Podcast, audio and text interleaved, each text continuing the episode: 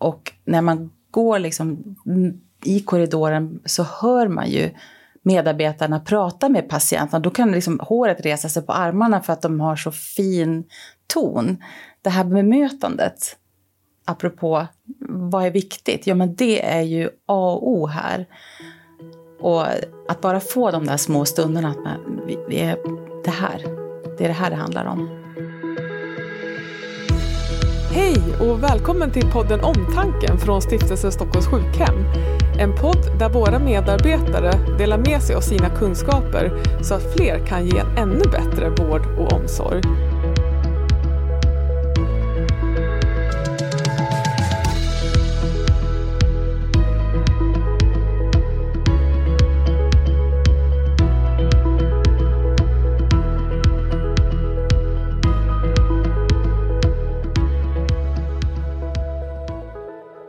Idag ska vi prata om ledarskap inom vården och omsorgen.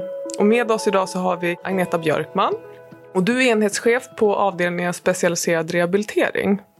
Och ni tar emot patienter som behöver rehabilitering efter vård på akutsjukhus.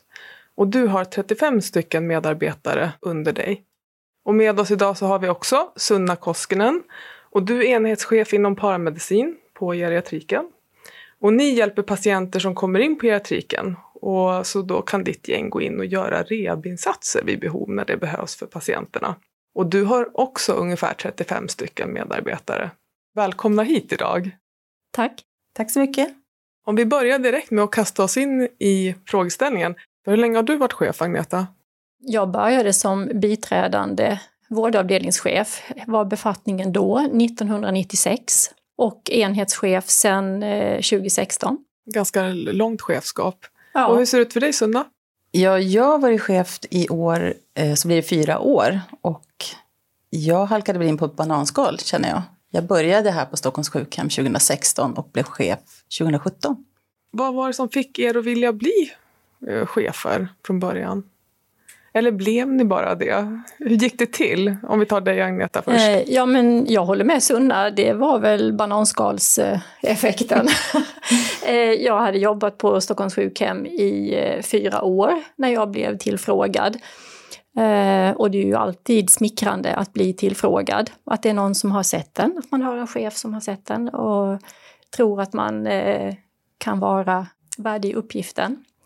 Um, Hade så, du själv haft tankar på att bli chef innan ändå? Nej, inte. Absolut inte.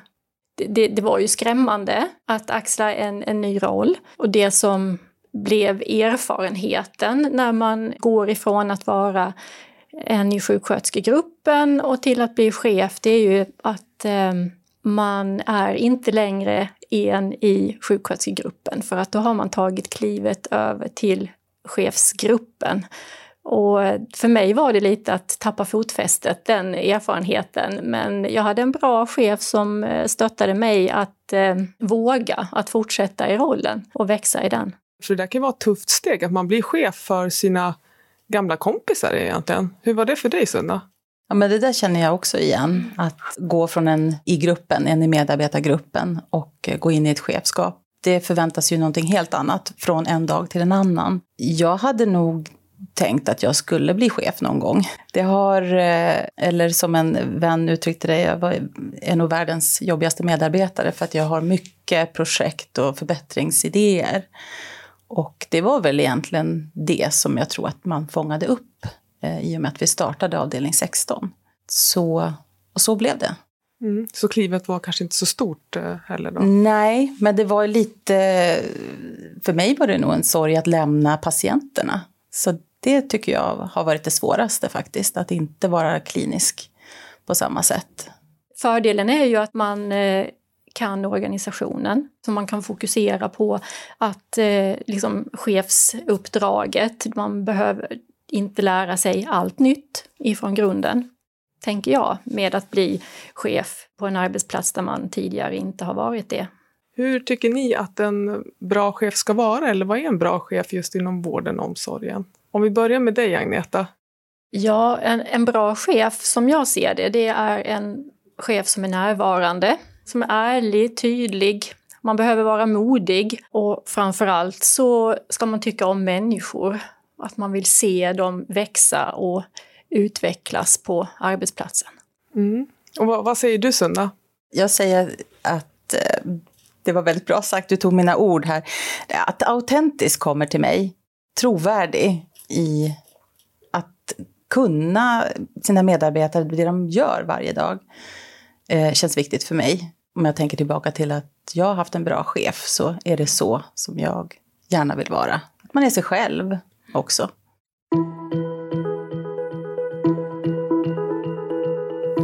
Här på Stockholms sjukhem så började vi ju ta emot och vårda covidpatienter på uppdrag av Region Stockholm i mars förra året. Och vi öppnade covidavdelningar både i våra verksamheter i Bromma och här på Kungsholmen. Och Agnetas medarbetare här på Kungsholmen flyttade då från sina vanliga eh, lokaler in till en annan avdelning på geriatriken här på Kungsholmen och var med och startade upp en covidavdelning. Och efter några månader förra året så ställde ni om igen och flyttade tillbaka till er tidigare avdelning och började ta emot patienter som behövde rehabilitering efter att ha fått IVA-vård i samband med covid. Och Sunnas medarbetare här har också varit med och arbetat på de här covidavdelningarna och gjort rehabiliteringsinsatser. Det är en pandemi fortfarande. Vad har varit den största utmaningen där för er i era roller? Om vi börjar med dig Agneta. Ja, den största utmaningen var ju att evakuera till andra lokaler och eh, att ha medarbetare ifrån andra avdelningar som jag egentligen inte är chef för men som då har varit och jobbat på samma avdelning. Och sen att inte i princip ha mera kunskap om det vi befinner oss i än medarbetarna. Hur är man som chef då? Ja, men viktigt att vara ärlig med att man inte vet mera. Och vårt mantra blev ju att ja, det som gäller just nu är det här. Men vi vet att det vi säger på förmiddagen, det kan ha ändrat sig till eftermiddagen när vi har nästa möte.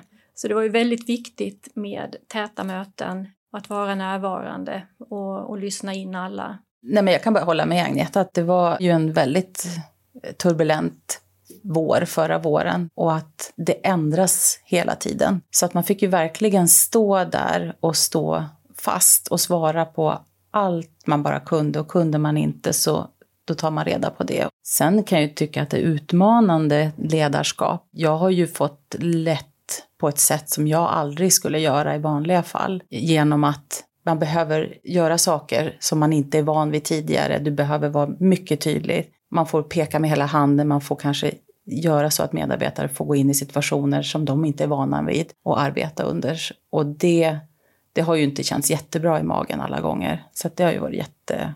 Det var en utmaning för mig i början. Tills det blev, ja men nu har vi fått in en rutin, nu finns det här skriftligt, nu vet vi lite, man fick ja men, lägga rälsen medan man åkte helt enkelt.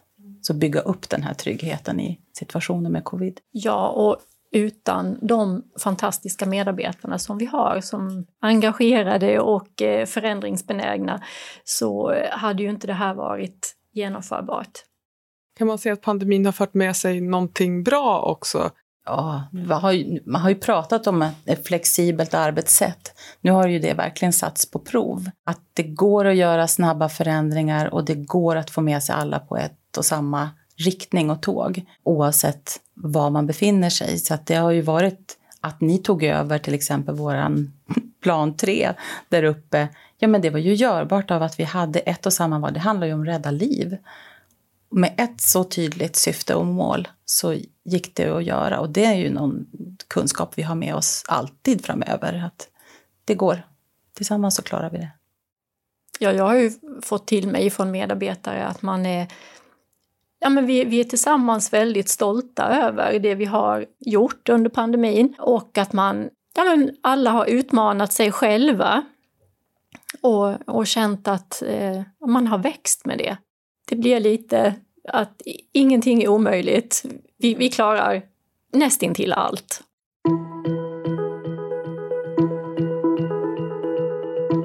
Om vi ser era egna drivkrafter, vilken är din drivkraft? Ja, men det är ju det här att se medarbetarna växa och eh, utvecklas och stötta dem i det. Men också att vara med och, och påverka och hitta lösningar på utmaningar. Det är min drivkraft. Och du Sunna? Ja, men jag går tillbaka till syfte och mål. Alltså, vi är här för att göra patienters vård så bra som möjligt. Och att hitta liksom den röda tråden i hur kan vi arbeta, vilka arbetssätt behöver vi förändra, hur behöver vi kommunicera med varandra, vilka nätverk behöver vi? Att se den genom hela verksamheten är ju jätteviktigt tycker jag. Och det är ju en drivkraft hos mig, att få till de där samarbetsnycklarna på något sätt. Så att det blir bra, absolut det bästa för patienten. Är det svårt det där med att tänka vem som ska vara nöjdast, personalen eller liksom patienterna? Krockar det där ibland någon gång? Fast det, det, för, för mig är liksom grunden nöjda medarbetare. För har vi inte nöjda medarbetare så är det väldigt svårt att få nöjda patienter. För har inte vi en bra arbetsmiljö och ett bra klimat på våra enheter, då är det väldigt svårt att ge något bra till patienterna. Det är liksom en, den röda tråden för mig. Vilka förmågor och kvalifikationer ser ni igen också hos en bra medarbetare? Ja, nummer ett så är det ju ett bra bemötande och förhållningssätt till eh, patienter och eh, arbetskamrater. Att man är engagerad, nyfiken. Ja, men klokskap. De kommer hit med sin kunskap, sin yrkesprofession, men att de har hjärtat på rätta stället ett fint bemötande. Det är det som måste finnas för att jobba här. Det handlar om personlighet och, och förmåga att liksom lyfta blicken och se våra patienter och deras behov. Alltså jag vill omge mig med folk som klarar att fatta kloka beslut utan att ha en instruktionsbok från chefen. Att de förmår det. Det vill jag omge mig med.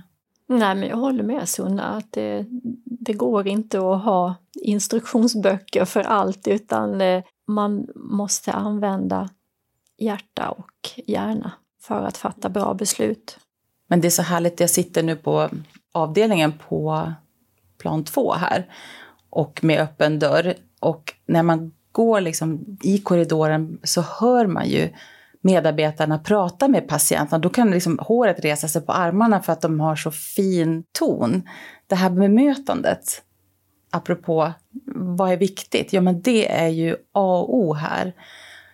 Och att bara få de där små stunderna, att man, vi, vi är det här, det är det här det handlar om.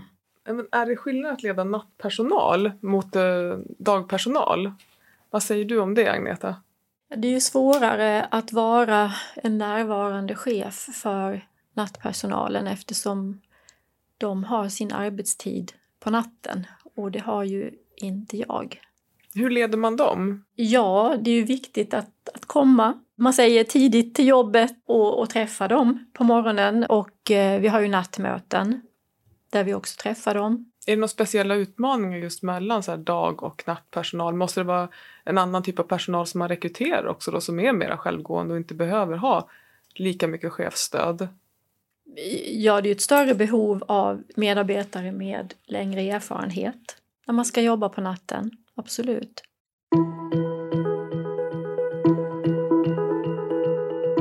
När det dyker upp eh, svåra samtal och konflikter, hur hanterar ni det? Gärna på en gång, så att det inte hinner bli en surdeg, tänker jag. Eller att det blir någon sån här fikasnackis som alla vet, men inte chefen. Så att jag vill gärna tro att jag försöker dela med dem ganska på en gång. Men hur märker man av det, att det är någonting som inte är bra? Medarbetarna kommer ju själva och eh, berättar när det har inträffat någonting mm. och söker stöd. Och antingen så väljer de ju att eh, ta samtalet med den som det gäller själva eller så gör vi det tillsammans. Någon förtrogen har alltid någon förtrogen, så även om man inte själv kommer så får man ju reda på att det är någonting som har inträffat. Och då finns ju antingen jag eller Annika där. Jag bollar ju mellan två sajter, så att, men någon av oss är alltid på plats. Så det behöver inte vara den personen själv utan det är någon annan som har sett att det kanske är någon ja. som har blivit felbehandlad och Precis. då kommer de och säger ja, till. Det här kändes inte bra för mig. Jag såg att det där hände eller att någon har sagt eller någon har, ja, vad det kan vara. Men hur hanterar man det då som chef om det är någon som inte verkar vara så snäll helt enkelt? Då får man ta ett enskilt samtal med den och eh, prata om vad det är för situation, vad det är som har hänt och hur det kan uppfattas av andra. Jag tänker på att alla är måna om sina kollegor, alla vill vara vän. Men att man, man kan fråga, eh, vad tror du att det här beteendet har för effekt på dina kollegor? Så att man får in den här reflektionen själv.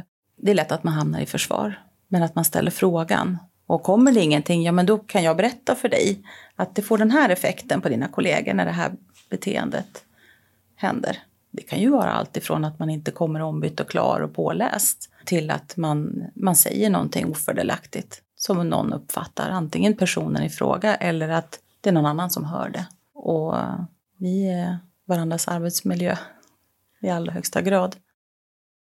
Men som chef där, att man måste våga gå in i de situationerna. Var det svårt när, när du precis hade blivit chef? Är det något man lär sig där? Och, eller fanns det redan från början? Nej, men jag tror inte att jag är så konflikträdd. Jag, det handlar inte om mig, utan det handlar om den här situationen, den här personen, det här. Sen är det ju, det är ju sällan, eller ja, men det är ju aldrig i stort sett en person, utan det är ett beteende kring som man vill komma åt. Och beteenden går att förändra om man vill det själv. Så att, nej, jag tycker inte att det var jättesvårt. Det är inte jättebehagligt, jag älskar inte konflikter, men jag är inte rädd för dem. Hur följer man upp det sen när man har haft en, en sån sak i en arbetsgrupp? Håller man lite extra koll eller har man samtal igen? Både och. Både extra koll så att det, man känner att det här kan inte fortgå. Så att personen vet då att det här inte är okej. Eh, också extra samtal, uppföljningssamtal. Man kanske får göra en lista på saker.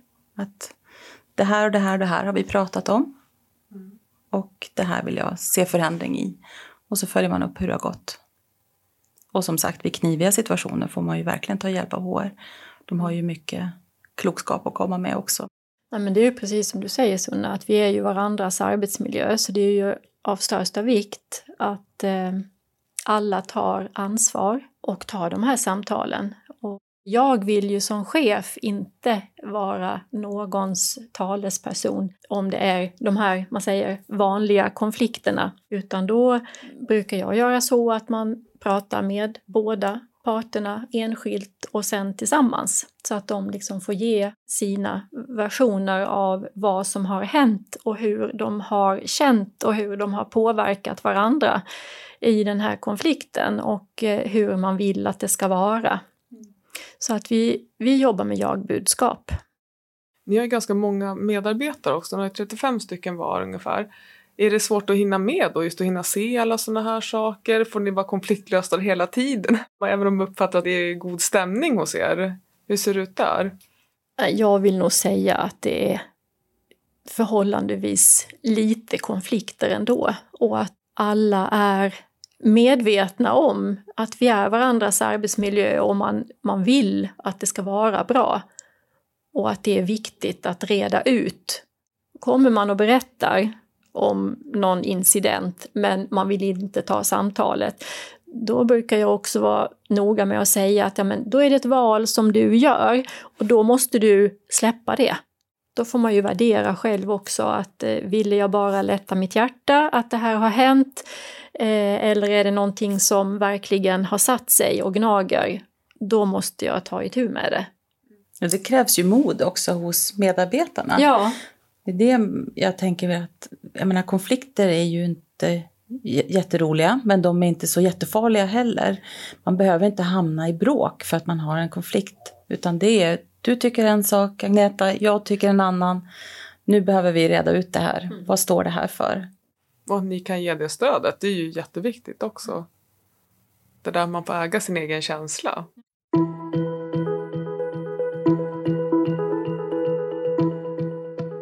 Den ställföreträdande chefen som man har vid sin sida, är den extra viktig? Och behöver det vara en annan personlighetstyp? Ska det vara någon som kompletterar den? Det är väl alltid bra att det är någon som kompletterar en, tycker jag. Det som är viktigt när man har en biträdande chef, det är ju att man är samstämmiga ut emot personalgruppen. Vi kan ha olika åsikter när vi diskuterar vi två, eh, men så kommer vi fram till ett slutgiltigt resultat och det är det vi presenterar utåt och det, det är väldigt viktigt så att det inte det blir en otydlighet i ledarskapet. Hur kompletterar ni varandra, du och Caroline? Caroline är väldigt lugn och metodisk. Jag är nog lite mera yvig av mig. Mm. och din ställföreträdande Annika där? Ja. Hur kompletterar ni varandra? Ja. Nej, vi, vi brukar skoja och säga att jag är gas och hon är broms. Och vi behöver varandra verkligen för att komma fram till bra lösningar på ja, men lite knivigare frågor eller ja, som du säger, att det ska inte vara så att man kan gå till den ena och få ett svar och gå till en annan och få ett annat svar, utan vi behöver ju vara synkade och prata ihop oss. Och där tycker jag att det är spännande att man är två som jobbar så nära, därför att vi är inte alltid överens. Och det får vara så. Vi behöver hantera våra konflikter, men vi bråkar sällan. Och det tycker jag är väldigt givande. Och det hoppas ju jag att fler har. Alltså att de finns även i medarbetargrupperna. Att man vågar säga saker till varandra, man vågar tycka olika om saker, hur vi ska göra. Men att det finns en dynamik i det där så att man kommer fram till ett klokt resultat bara.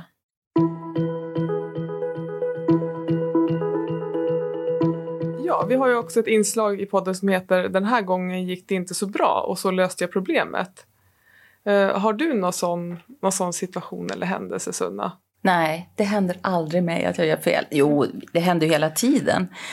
En sak som jag har lärt mig, och det är ju att man aldrig ska skicka mail när man är lite sådär halvt upprörd. Det blir ett trubbigt verktyg och det landar sällan bra, eh, har jag lärt mig. För att med eh, duktiga, engagerade medarbetare så ger de ju också bra feedback. Så att det kommer direkt. Hörru du, vad betyder det här? Och så behöver man faktiskt finnas där att förklara därför att det blir onyanserat att skicka mejl. Nej, men det håller jag med dig om, att det här med mejl och gärna när man är...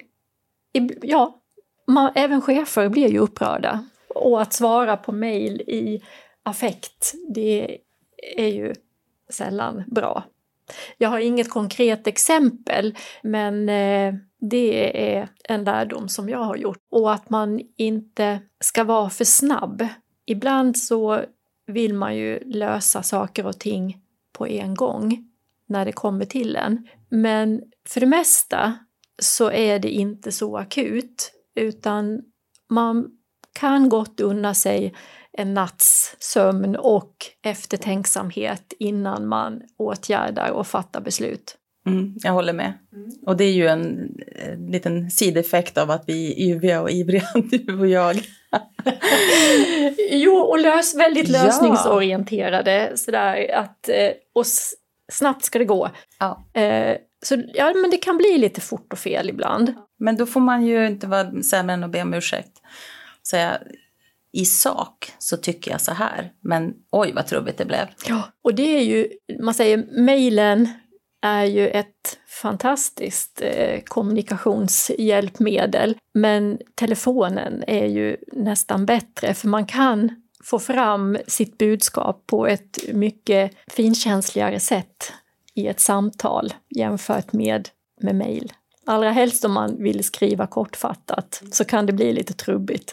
Så ta ett steg tillbaka om det är något mejl som man får lite hetare känslor över. Då, då ska man vänta helt enkelt med ja. det. Ja.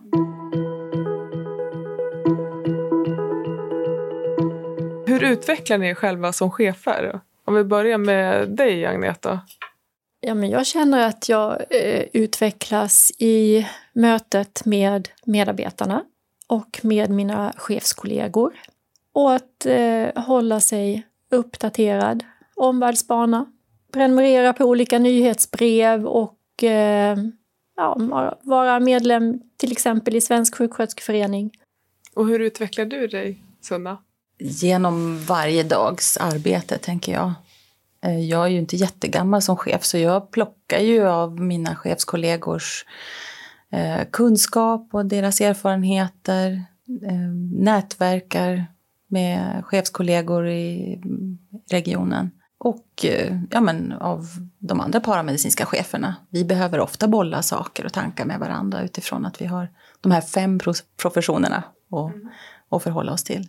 Ja, men, uppdaterad kunskap, känner jag. Har ni några tips till nya chefer? Ja, alltså var nyfiken, framåt, fråga och var dig själv, tänker jag. Ja, men var närvarande och lyssna. Det är viktigt. Ja, men tack så jättemycket för en eh, jättetrevlig och givande intervju. Och tack för att ni kom hit idag. Tack. Tack själv.